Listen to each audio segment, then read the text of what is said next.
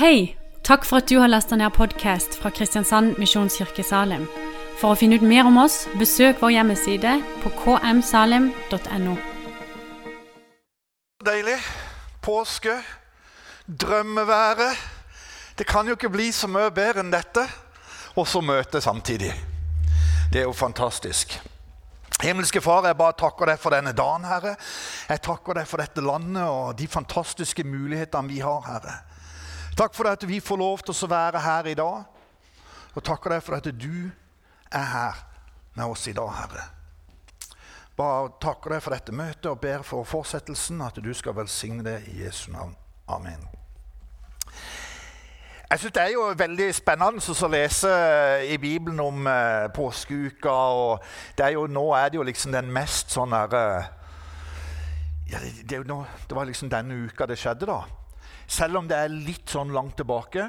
Vi satt og snakka om det noen stykker her i går eller i forgårs. I går var det vel. Der jeg fortalte meg at når hun vokste opp, da, så hadde hun en dag i påska der eh, hun hadde lært at da nytta det ikke å be. For da var Jesus død. Eh, og det, Av og til så kan vi ta det litt nærme, og så av og til så blir det veldig fjernt. Og det forundrer meg litt når jeg leser om palmesøndag. Åssen de hyller Jesus. Åssen det var et utrolig sånn guf på han. Og jeg lurer på disiplene, når de fulgte med Jesus inn og så åssen folk heia på han, og de så alt dette her styret som var, og de tenkte noen få dager etterpå, når alt var snudd rundt Hva tenkte alle disse menneskene som sto og hylla Jesus når han rei inn i Jerusalem, hva tenkte de at skulle skje? De hadde kobla dette til en avtale som de hadde lest om. At Gud skulle komme, han skulle frelse, men de skjønte ikke hva han skulle gjøre.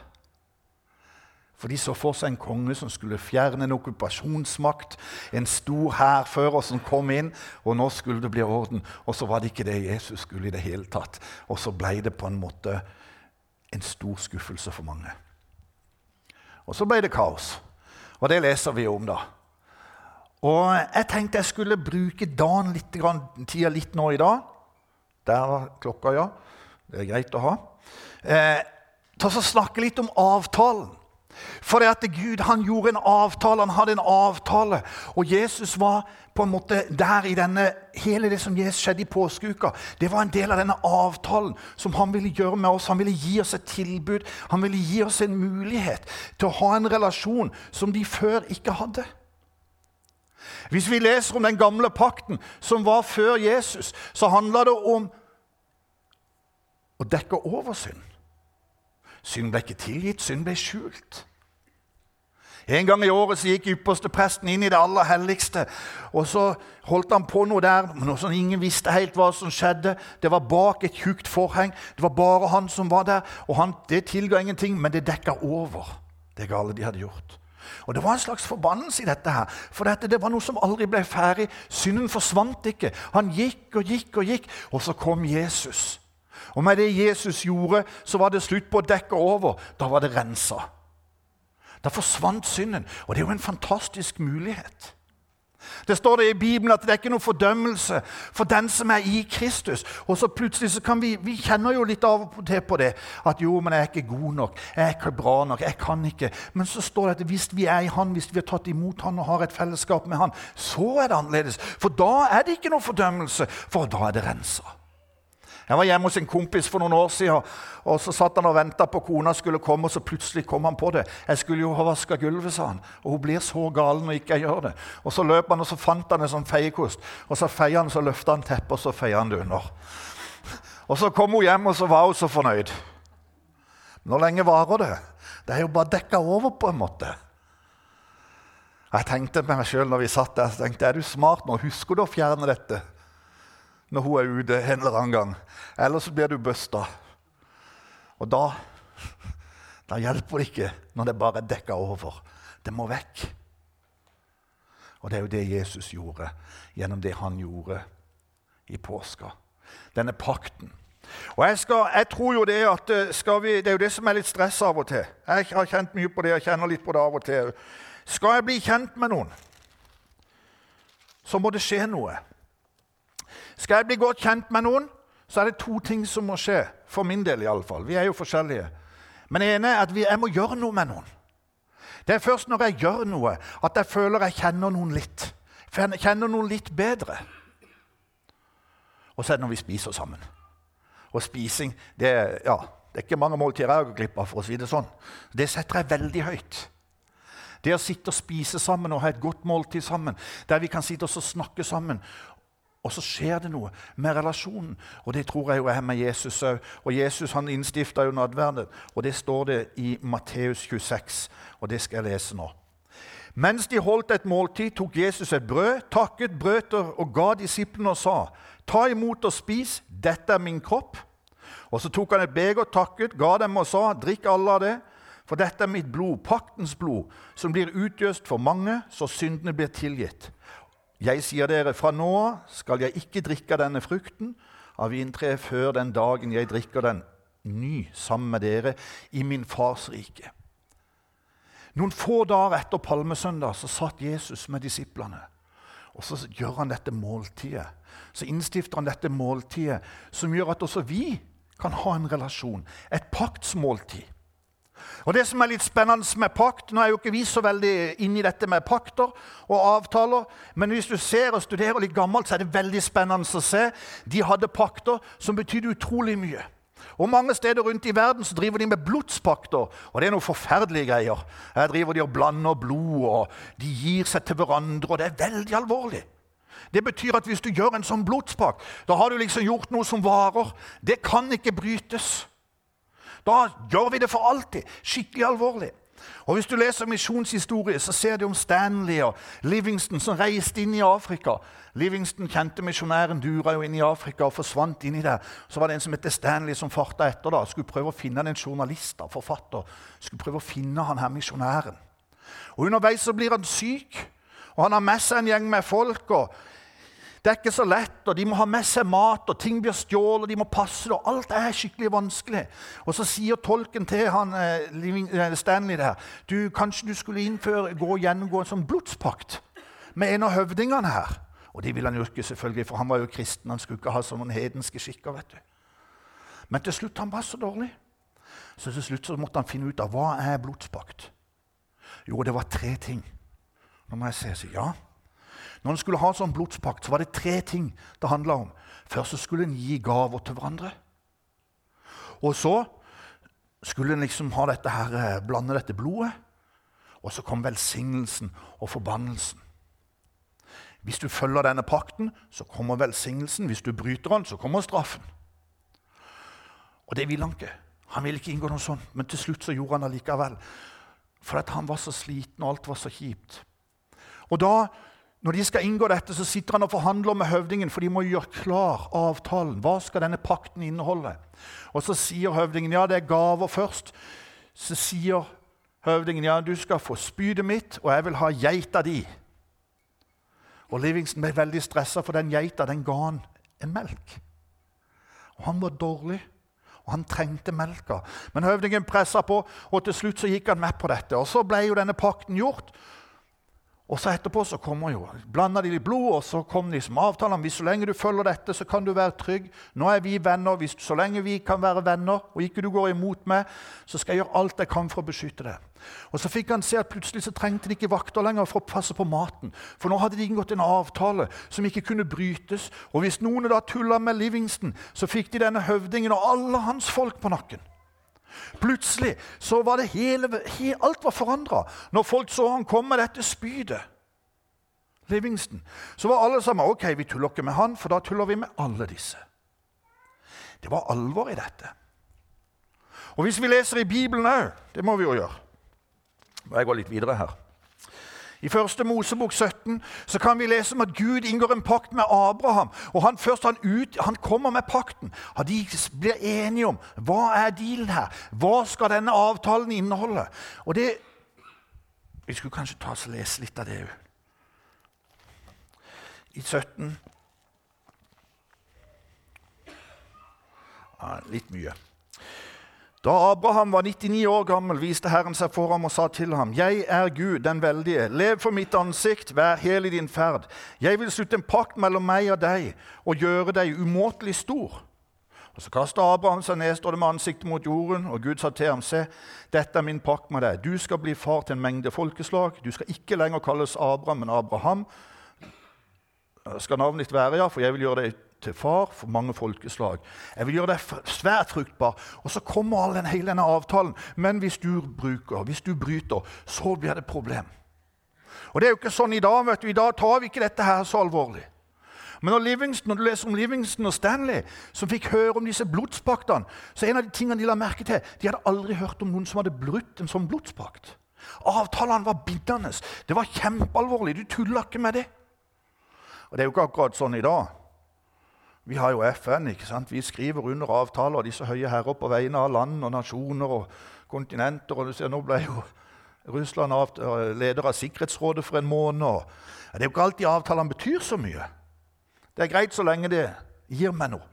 Men når ikke det gir meg noe lenger, så hopper vi av. Og Det ser vi jo i samfunnet ellers òg, med ekteskap og alt mulig. Det sjaltes og valtes, og vi gjør avtaler, og så er det litt nøye, og så er det ikke så nøye, og så hopper vi inn og ut alle veier. Men når Abraham gjorde avtale med Gud, da var det alvorlig. Og Litt seinere kan vi lese om Moses, som også gjorde, som fornya denne pakten som Abraham gjorde. Og så fikk de en avtale. Ja, sier Gud, nå går dere inn i dette landet, et fantastisk land. Og det skal bli så bra. Og dere skal få det så godt i dette landet. Så lenge dere følger med, så skal det vokse. Og det skal bli bedre og bedre å være der. Men hvis dere går imot meg, så går alt i revers. Og så kan vi lese da fra Josva, denne Hemja, denne historien om jødene. Hvordan de reiste inn, hvordan den nasjonen bygde seg opp litt etter litt og ned. Og så litt etter litt opp og ned. Og så opp til å bli den største byen, den største nasjonen, det mest fantastiske. Og så gå ned til ingenting. Alt dette som jødene valgte å gjøre etter den avtalen de hadde gjort med Gud. Så lenge de fulgte han, så lenge de gjorde og æra den avtalen de hadde gjort, så velsigna Gud, og så backa han de opp. Og det som Abraham opplevde når han gikk, inngikk sin pakt med Gud Da opplevde han at selv den største hær kunne ikke ta hans lille landsby. For det, nå var det Guds fader som beskytta han. Og det var jo det som, var, som Livingston òg opplevde i Afrika at plutselig lille han hadde ikke noe, svare, hadde ikke noe å bekymre seg for lenger, for det var noe større. Og Gud den allmektige, himmels og jordens skaper, han sendte sin sønn ned, kom ridende inn i Jerusalem. Noen få dager etter så var det fullt kaos. Men før det kaoset tok skikkelig tak, så hadde han inngått en paktsavtale. Han hadde lagt ut pakten, lagt ut avtalen og så hadde han sagt det at hvis dere vil, så kan dere ta imot meg. Hvis dere tar imot meg, så skal dere få fred. Syndene skal ikke lenger være skjult, men de skal være sletta. De skal bort. Dere skal være hvite og reine, for jeg tar på meg skyld. Og så kan vi kjenne på det av og til. At Gud, du er fjern. Gud, jeg vet ikke hva. Gud, jeg når ikke til. Jeg klarer ikke. Nei, men det er ingen fordømmelse for den som er i Kristus. Så lenge vi søker Han, så lenge vi går mot Han, så er det ikke det så kan vi slappe av. Men samtidig så skal vi være klar over noe av det som vi leste her i nadverdsteksten, som jeg syns er veldig bra. For dette står det at det, Ja, hva er det det sto? Kan like godt bare finne det med en gang, så ikke jeg gjør noe tull. Det gjør jeg ofte. Så sier han det at ja, Jesus tok et brød, takket brødet, ga disiplene og sa, 'Ta imot og spis. Dette er min kropp.' Og I Korinterbrevet 12 så snakker, Jesus om, eller snakker Paulus om at dere er Kristi legeme. Dere er lemmer. At vi er lemmer som hører til på Kristi legeme. Og det er det Jesus sier i nattverden. Her, ta brød. Dere er det er mitt legeme. Altså det er oss sjøl. Jesus han ofra sin egen kropp. Han ofra, og Gjennom sitt blod så kobler vi på han. Og så når vi tar brødet så kobler vi på, og så bekrefter, eller kobler ikke på, men vi bekrefter at vi har gjort oss sjøl til en del av legemet. Det er ikke lenger meg, men det er oss. Og så er det meg midt i oss, selvfølgelig. Men jeg var just i Ukraina, og jeg snakka med ei jente der. og Hun var litt fortvila, så sier hun jo, men det er så greit for deg, sier hun, for du, du er jo norsk, jeg er ukrainsk. Ja, jeg vet det, sier jeg, men sannheten er at mitt røde pass, det er menneskelagd. Mitt røde pass, det er ikke Gud som har lagd. De norske grensene er heller ikke Gud som har tukla så mye med. Det er menneskeskapt. Men når jeg sier ja til Jesus, så blir jeg borger av et annet rike. Da får jeg lov til å være en sønn av Gud, et Guds barn. Og det er jo det han ønsker. Og det er jo det hele påska handler om. At når Jesus sto opp, når han døde på korset og sto opp igjen, så revna dette forhenget som gjorde at ikke vi kunne ha kontakt med Gud. Men nå i dag så kan vi, på grunn av det han har gjort, så kan vi søke han, så kan vi gå rett inn til han, og så kan, behøver vi ikke å være i noe spesiell form. Vi behøver ikke å være noe spesielt sted, som Viggo snakka om her. Tenk hvor fantastisk å vite at eh, om du er ute, om du er i stua, om du er på do, uansett hvor du er hen, så er Gud der fordi han har flytta inn i våre hjerter gjennom Den hellige ånd. Og Da kan vi ha en annen bevissthet, for da kan vi tenke at når vi går ut, så er vi en del av et legeme. Det står det at uh, I gamle pakten så var det jo en ypperste prest, men nå er det Jesus som er ypperste presten, og så er vi et hellig presteskap. Så er vi prester. Vi er hans utsendinger. Og han er alltid til stede i våre liv gjennom Den hellige ånd. Så der vi går, der er Gud. Ja, men da har vi ikke noe å skamme oss over. Vi trenger ikke å gå med, med senka hode, men vi kan reise oss opp og så kan vi si takk, Gud, for at du var villig til å ofre for min skyld. I Ukraina, når, når krigen begynte, helt nede i syd, så var det tre baptistkirker. Og de var tomme på én, to, tre. For disse kristne som var der, de kjente jo så mange, de hadde jo så mange venner rundt forbi. Og vennene sa, 'Kom, kom der ut, vi skal hjelpe deg.' Så de reiste med en gang. Dørene lukka, og så var de ute. Og Så gikk det en liten stund, og så var det noen andre som begynte å reise inn i den byen med mat og forskjellig hjelp. og begynte å forkynne. Og så ser de her står disse tre tomme kirkene. Så de tok kontakt med biskopen og sier de, kan vi låne den ene kirka.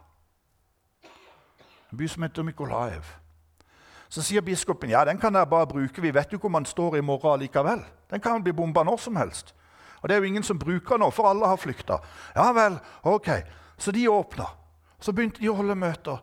Og så kort tid etter så var alle tre åpna, så er alle tre fulle. Og nå starter de fem nye menigheter midt i krigen. Fordi at mennesker opplever i kaoset at de får fred. Hvorfor?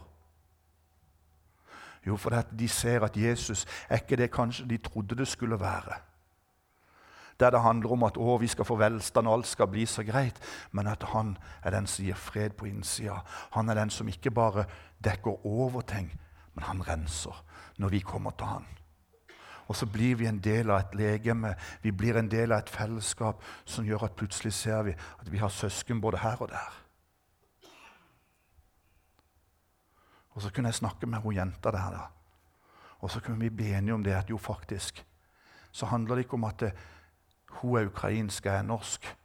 Det handler om at vi er, lever på forskjellige steder, men først og fremst så er vi borgere av et himmelsk rike. Og så er vi her som Guds ambassadører. Og Når vi går til nattverd, og jeg syns det er fantastisk og Nå tror jeg det blir nattverd på torsdag rundt bordene her. Når jeg går til nattverd, så syns jeg det er så fantastisk. For det at eh, Jesus, han ga sitt blod for nettopp det. Å frelse meg og redde meg rense meg fra synden. Og jeg er så utrolig klar over at jeg kommer til kort igjen og igjen og igjen. Og Da er jeg så glad for at jeg kan komme til Han og erkjenne og be om unnskyldning. Jeg slipper å forklare og komme med alle grunnene til. For det er jo så lett å si jo, men på grunn av de andre gjorde sånn og sånn. Derfor så gjorde jeg. Men det bryr han seg ikke noe om. Jeg kan bare komme sånn som jeg og så kan jeg si det sånn som, jeg, sånn som det er og så vil han tilgi. Og så følger jeg han, og så får jeg lov til å ta brødet. Og med det så sier jeg hver gang jeg går til nattverk, så sier jeg takk, Gud, for at jeg får lov til å være et lem på ditt legeme. Jeg får være en del av forsamlinga. Jeg får lov til å være en del av familien. Jeg får lov til å være en del av et fellesskap. Jeg hører til. Og det betyr òg at jeg gir meg til. Jeg er ikke en solospiller som løper rundt og ikke hører til og ikke ligger under og ikke er en del av Jo, jeg har et ansvar. For som en del av Kristi legeme så har vi alle et ansvar. Vi har alle en mulighet til å bety noe. Og så er det noen som synes lett. Jeg vet det, jeg kan være litt bråkete og kan på en måte lett ses. Og så er det greit nok, så er det for jeg gjør det. Men så er det mange da, som ikke vi ser, men som betyr utrolig mye mer. Og så er det fantastisk å se hvordan Gud bruker så mange mennesker til å gjøre så utrolig mye, mye ting. Jeg var just i Romania noen dager nå og traff en haug med mennesker, unge folk, i ei kirke der, gammel kirke, mest unge folk, som sa det at nei, når krigen begynte, så kom jo flyktninger. Vi visste ikke hva vi skulle gjøre, så vi bare åpna kirka. Hele kirkerommet var fullt av madrasser. Og tok inn ukrainsk, og det var jo ikke noe støtte der. Og Romania er ikke så rikt land. Men sa de, det var så gøy, for dette ting begynte bare å komme. Så Herren bare velsigna jo mer vi hjalp, jo mer kom. Og vi hadde jo ikke noen å tigge til. Vi hadde ikke noen å spørre, men tingene bare rausa inn.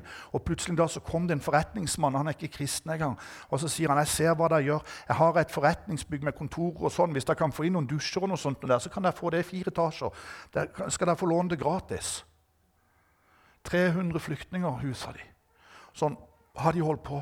Stadig nye. Og sier de fordi at Gud gjør mirakler.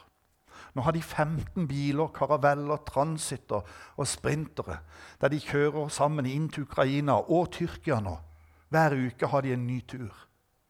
Og Det er så utrolig gøy å se hvordan Gud bare sender og gjør at folk sender ting til oss. Vi måtte få tak i flere lager. For dette folk sender, Plutselig får vi paller med olje, plutselig får vi paller med ris. Masse tannbørster, masse. Vi pakker og pakker. Og hver uke så sender vi 8-15 biler inn. Og så har vi to sjåfører i hver bil, sa de. For dette, vi er en del av dette. Det handler ikke bare om maten vi gir, men vi skal også være med og dele evangeliet om Jesus Kristus. Og Litt ut forbi Butsja, og de som er kjent der nede, de vet jo at der skjer det mye. Der er en av de øverste militære lederne i området har tatt imot Jesus og har latt seg døpe. Så sier de det er utrolig gøy når du kommer på møte der. sier de. For dette Før møtet så ser du han har med seg soldatene, masse soldater som kommer. De som har fri.